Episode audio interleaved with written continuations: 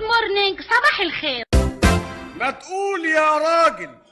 سرقت ولا ما سرقتش يا سعادة القاضي ربنا يخليك هو انا وش كده ده انا راجل كباري ده انا من البيت للجامع ومن الجامع للبيت خلاص اسكت اسكت حاضر. اسكت حاضر. اسكت سكت ما تتكلمش خالص حاضر. خلاص الدفاع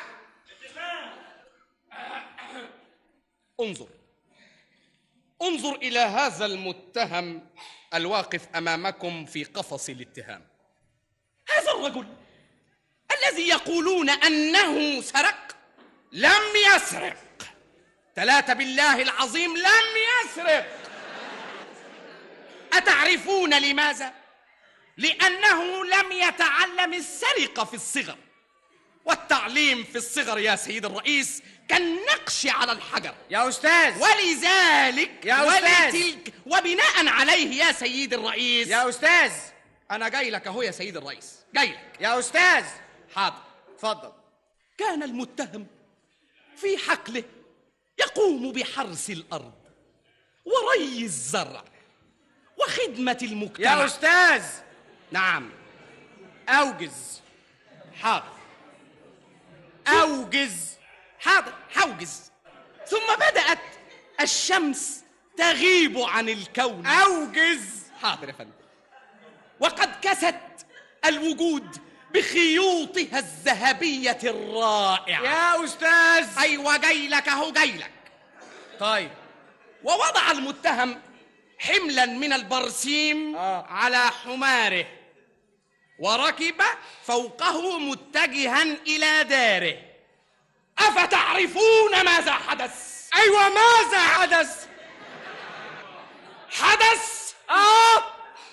أن العجلة موضوع السرقة رأت البرسيم فاستلطفت منظره وسارت وراء الحمار تأكل البرسيم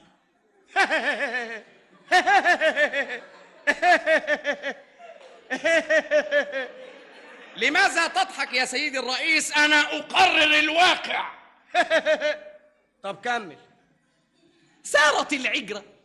وراء الحمار والمتهم لا يدري يا حضرات إنه لا يدري ووصل المتهم إلى داره ودخل راكبا الحمار والعجلة وراءه اوف والمتهم لا يدري أوف. المتهم لا يدري ونزل المتهم عن الحمار والعجلة ما زالت تأكل البرسيم والمتهم لا يدري لا يدري يا حضرات اوف ثم فجأة زلزلت الأرض زلزالها وأطبق البوليس على دار هذا المتهم المسكين فوجدوا العجلة بها فسيق مظلوما إلى السجن وكم في السجن من ضحايا أفرياء صدق يا استاذ يا استاذ نعم انت قريت القضيه كويس جدا يا فندم انت